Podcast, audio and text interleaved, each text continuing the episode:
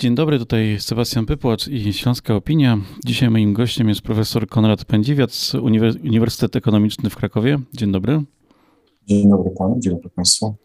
E, chciałem z panem porozmawiać o tym, e, co znaczy właściwie to słowo, które powtarzamy od, od już dobrych kilku tygodni, czyli to, że musimy się przygotować na długą pomoc dla Ukraińców, którzy przybywają e, do Polski e, w efekcie wojny w ich kraju. E, co to znaczy długa pomoc i, czy mamy jakieś narzędzia, to są jakieś rzeczy, których, jakieś metody pracy, których powinniśmy się, się nauczyć i je wymyślić od nowa, czy mamy jakieś narzędzia pracy z taką długą pomocą dla uchodźców?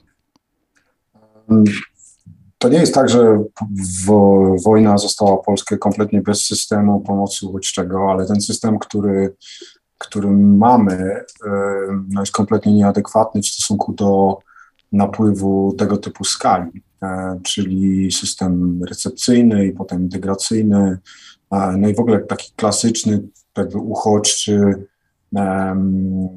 ta ścieżka uchodźcza jest niezwykle złożona, długa i karkołomna, ale jedna rzecz, która w niej jest, to jest, y, to, to jest na bardzo, że tak powiem, słabym poziomie, ale, ale jednak myśli się tam kompleksowo o pomocy, to znaczy jest tam, jest tam oczywiście podstawa, czyli dach nad głową w ośrodku um, recepcyjnym, jest, e, jest oczywiście zapewnione wyżywienie, jest zapewnione e, pomoc finansowa, super mała, ale jest.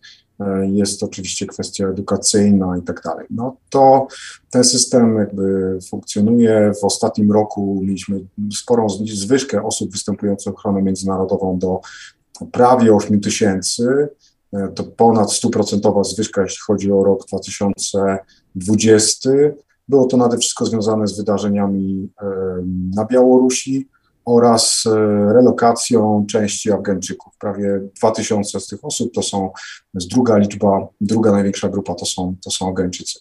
Teraz ten system kompletnie w aktualnych e, rzeczywistości, on, on by się zatkał natychmiastowo. Znaczy tam na rozpatrzenie wniosku o ochronę międzynarodową czeka się e, średnio miesiącami, latami czasami, więc to absolutnie nie wchodziło w grę i dlatego została wprowadzona ta ochrona e, tymczasowa, no i ona e, jest, e, jest rozwiązaniem, które jakby tutaj załatwia kwestie związane z jakby z, z legalizacją pobytu, tak więc ten kluczowy element jest jest, że tak powiem, załatwiony, wszyscy są legalnie, no ale wszystkie inne rzeczy nam zostają. I teraz, jeśli Pan mnie pyta, jak powinna wyglądać pomoc długoterminowa, ale też pomoc krótkoterminowa, że trzeba myśleć o pomocy krótkoterminowej z perspektywą długoterminową. Taka, taka powinna być właściwa perspektywa.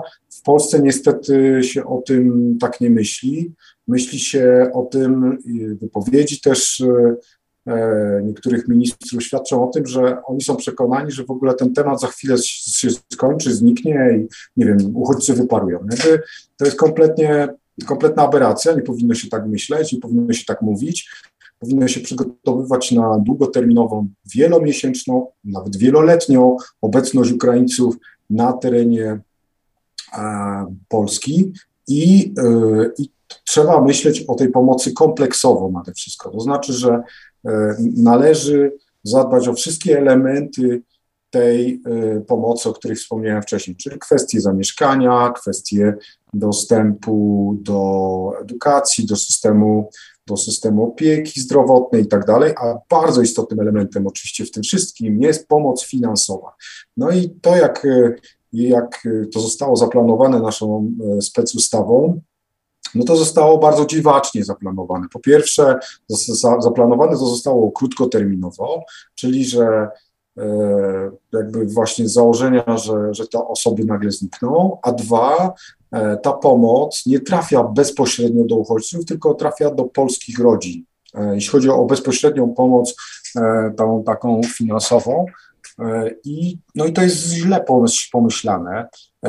Jedyne wytłumaczenie, które tutaj znajduję, dla rządu, to jest potencjalne jakby uzgodnienia z UNHCR-em, że UNHCR wprowadzi bezpośrednią pomoc finansową, tak, bo on takową rzeczywiście zaproponował, ale moim zdaniem to, to powinno być jasne od początku, że dla wszystkich, y, że, że taka pomoc się również pojawi, a nie jakby oczekiwanie, że przerzucanie tego kosztu na społeczeństwo, bo de facto to, że Polska tak świetnie sobie poradziła z setkami tysięcy, ponad milionem ludzi, które, który u nas się znalazł, to tylko i wyłącznie dzięki e, jednostkom, temu wielkiemu pospolitemu ruszeniu, które nastąpiło, pomagania i również społeczeństwo obywatelskie, tutaj oczywiście NGOsy różne się bardzo silnie włączyły, samorządy i tak dalej, ale, ale nie dzięki systemowej po, pomocy z tego poziomu centralnego. Więc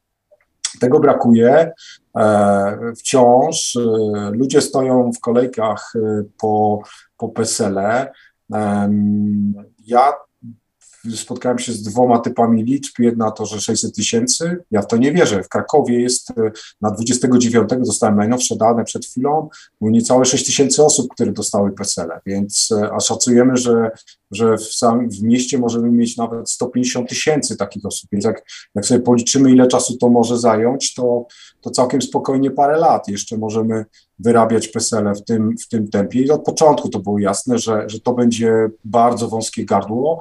No i to jest jedna z takich rzeczy, które już teraz wiemy, że, że po prostu to, to nie działa. No i ta pomoc, tak mówię, powinna być uruchamiana kompleksowo i natychmiastowo, ale powinna mieć e, jakby z założenia powinna e, być e, potencjalnie długoterminowa, to znaczy powinna być tak zaplanowana, żeby można było ją przedłużać, tak? Czyli mhm. e, UNHCR mówi, że daje będzie wspierał bezpośrednio finansowo przez przynajmniej trzy miesiące, ale wiemy, że w konflikcie syryjskim, w innych konfliktach, gdzie UNHCR się pojawia, to ta pomoc bezpośrednia się pojawia, ale ona jest długoterminowa. Znaczy tam jest, mówi się, że minimum z możliwościami przedłużenia. I tak samo to powinno wyglądać po stronie polskiej. To znaczy ta, powinny zostać specjalne fundusze utworzone, na które inne kraje powinny się składać, w tym a oczywiście Unia Europejska i pomoc powinna trafiać bezpośrednio do uchodźców i można by mówić na zasadzie, że na razie jest ona przewidziana tylko i wyłącznie na okres trzy miesiące, ale powinna być możliwość od razu jakby od dnia zero, kiedy ona startuje, powinna być jakby zapowiedziany potencjał jej przedłużania i powinna być tak skonstruowana, żeby to przedłużanie było po prostu niejako automatyczne. Mhm. E, jeżeli rozmawiam z uchodźcami z Ukrainy, to e, najczęściej powtarza się ta myśl, że e, oni przyjechali tutaj na krótko i za tydzień wracają. To taka no raczej myślę, to otrzeźwienie z, tej, tej, z tego sposobu myślenia przechodzi dla nich dość szybko, chyba jak oglądają kolejne wiadomości ale y, jest taka grupa Ukraińców, którzy mm, mówią, że mm, y, szukają pracy, chcą tutaj zostać i, e, i się zasymilować. To, jak, jak wygląda mm, zatrudnienie Ukraińców i uchodźców, to jest mniej więcej obwarowane prawnie. To jest ta specustawa też chyba coś tam dodaje, czy tam skraca terminy z tego, co, znaczy bez problemu. Ukraińcy mają, zgodnie z pozostawą, mają automatyczny dostęp do rynku pracy. Tak. Nawet y, mają dostęp do zasiłków, e, co, co w ogóle wcześniej nie występowało i tu jest jakby, tu, tu jest to skrócenie okresu, który normalnie hmm. miałby wystąpić. I tu jest bardzo duża niewiadoma. Jak, jakbym był ustawodawcą, na pewno takiego zapisu bym nie zamieścił, bo on jest jedną wielką niewiadomą. To znaczy hmm. lepiej moim zdaniem było dystry jest dystrybuować środki bezpośrednio z funduszu, niż tworzyć różnego typu furtki, E, takie jak zostały od, otwarte specustawą. Moim zdaniem to ja, ja nie widzę uzasadnienia takiego mhm. typu działania. Ale e, dążę do tego, żeby zapytać, bo zakładam, że e, znalezienie pracy to jest ten moment, kiedy zaczynamy, ci Ukraińcy zaczynają jakiś proces asymilacji. E, czym jest taki proces asymilacji, ile on może trwać? Bo też w głowie mam Oczywiście. przykłady Polaków, którzy emigrowali, nie wiem, do Stanów Zjednoczonych, zamykali się trochę w swoich gettach i pytanie, czy to była jakakolwiek e, asymilacja, czy właśnie jakiś błąd tam popełniono? Tak, no w naukach społecznych pojęcie asymilacji już trochę przeszło do lamusa. Mhm. Bardzo rzadko się odwołuje współcześnie do tego typu pojęcia. Raczej przede wszystkim z racji takiej, że to pojęcie z założenia zakładało przejęcie kultury państwa przyjmującego. E, e, jest dużo różnych innych pojęć, które o wiele lepiej traktują o, o zjawisku, jakim jest przystosowanie się do funkcjonowania w kraju przyjmującym. No i takim jednym z takich pojęć, które jest o wiele e, tutaj bardziej zasadne, jest pojęcie integracji bądź zakorzenienia. To są o wiele lepsze zakotwiczenia. Mhm. To są o wiele lepsze terminy, które nam tutaj nie wprowadzają tego założenia, że, że, że musi nastąpić jakby e, tutaj wyzbycie się własnej kultury i przejęcie kultury państwa przyjmującego. To, to, jest, to jest pierwsza rzecz. Jeśli chodzi o to, jak ten proces e, przebiega, no to to jest niezwykle złożony proces i zależy od wielu, jest wieloczynnikowy, ale może przebiegać stosunkowo krótko, bądź też długo. Zależy to między innymi od takich e, kwestii, od w ogóle nastawienia samych uchodźców, czy oni w ogóle mają ochotę. E, poprzez bardzo istotnym elementem są tutaj e, różnego typu bodźce, takie integrujące, jakby polityka integracyjna. Najkrócej to się nazywa polityką integracyjną, Polska taką miała, ale, ale się jej wyzbyła w 2016 roku, potem już kompletne, potem już żadna inna się nie pojawiła. Do tej pory traktowaliśmy integrację jako, jako coś automatycznego, jeśli są małe liczby ludzi, to rzeczywiście można się tak bawić, ale w momencie, kiedy mamy do czynienia z tego typu napływem, no to to jest absolutnie niezbędne. No i to zależy właśnie od tego, ile mamy tych elementów, czyli na przykład częścią polityki integracyjnej są możliwości y, uczenia się języka polskiego, tak? Y, y, jest kwestia właśnie dostępu do rynku pracy, ale mnóstwo takich elementów, które które pozwalają, e, język e, jest, jest absolutnie kluczowy, wejście do szkół, tak? To wszystko, to wszystko jest, jest super istotne. Można zakładać, że w przypadku Ukraińców e, ta integracja mogłaby przebiegać dużo szybciej w związku z jakąś tam bliskością kulturową, ale absolutnie nie wolno zakładać, że to jest proces automatyczny. Tak? I tu jest absolutnie niezbędne jakby stworzenie e, całego pakietu różnego typu um, właśnie takich instrumentów integracyjnych, które na wielu poziomach, od poziomu właśnie takiego przedszkolnego, szkolnego i potem e, innych, które by tych ludzi wdrażały do społeczeństwa polskiego. No i teraz E, pytanie też, czy, czy w ogóle tacy osoby czy mogą się w pełni zintegrować i, e, i czy w ogóle z takiego dłuższego uchodźstwa da się wrócić. Mhm.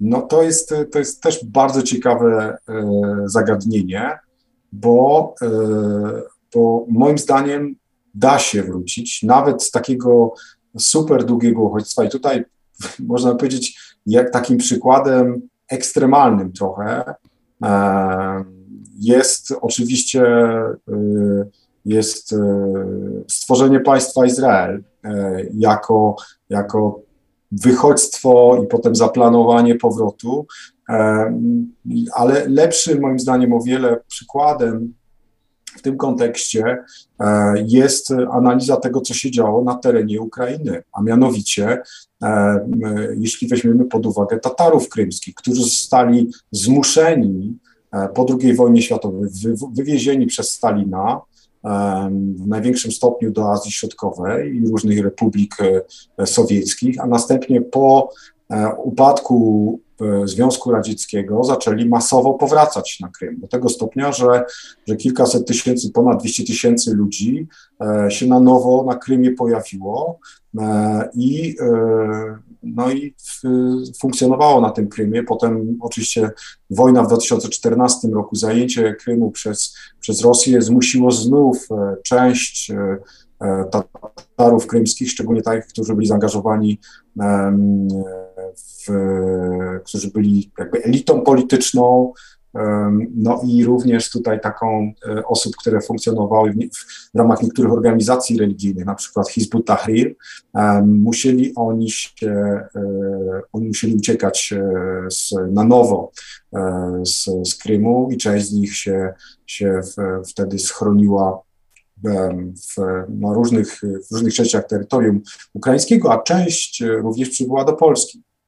I opiekowali się nimi między innymi e, nasi Tatarzy e, z, z Białego Stoku i, i okolic. I, i to też jest właśnie taki przykład tego, że Polska przyjmuje uchodźców ukraińskich już od 2014 roku, z czego wiele osób sobie nie zdaje sprawy, no ale oczywiście skala tego zjawiska aktualnie i w przeszłości to, to, jest, to, są, to są dwa różne zjawiska niejako. Konrad Pędziwiatr był naszym gościem. Dziękuję bardzo. Proszę bardzo.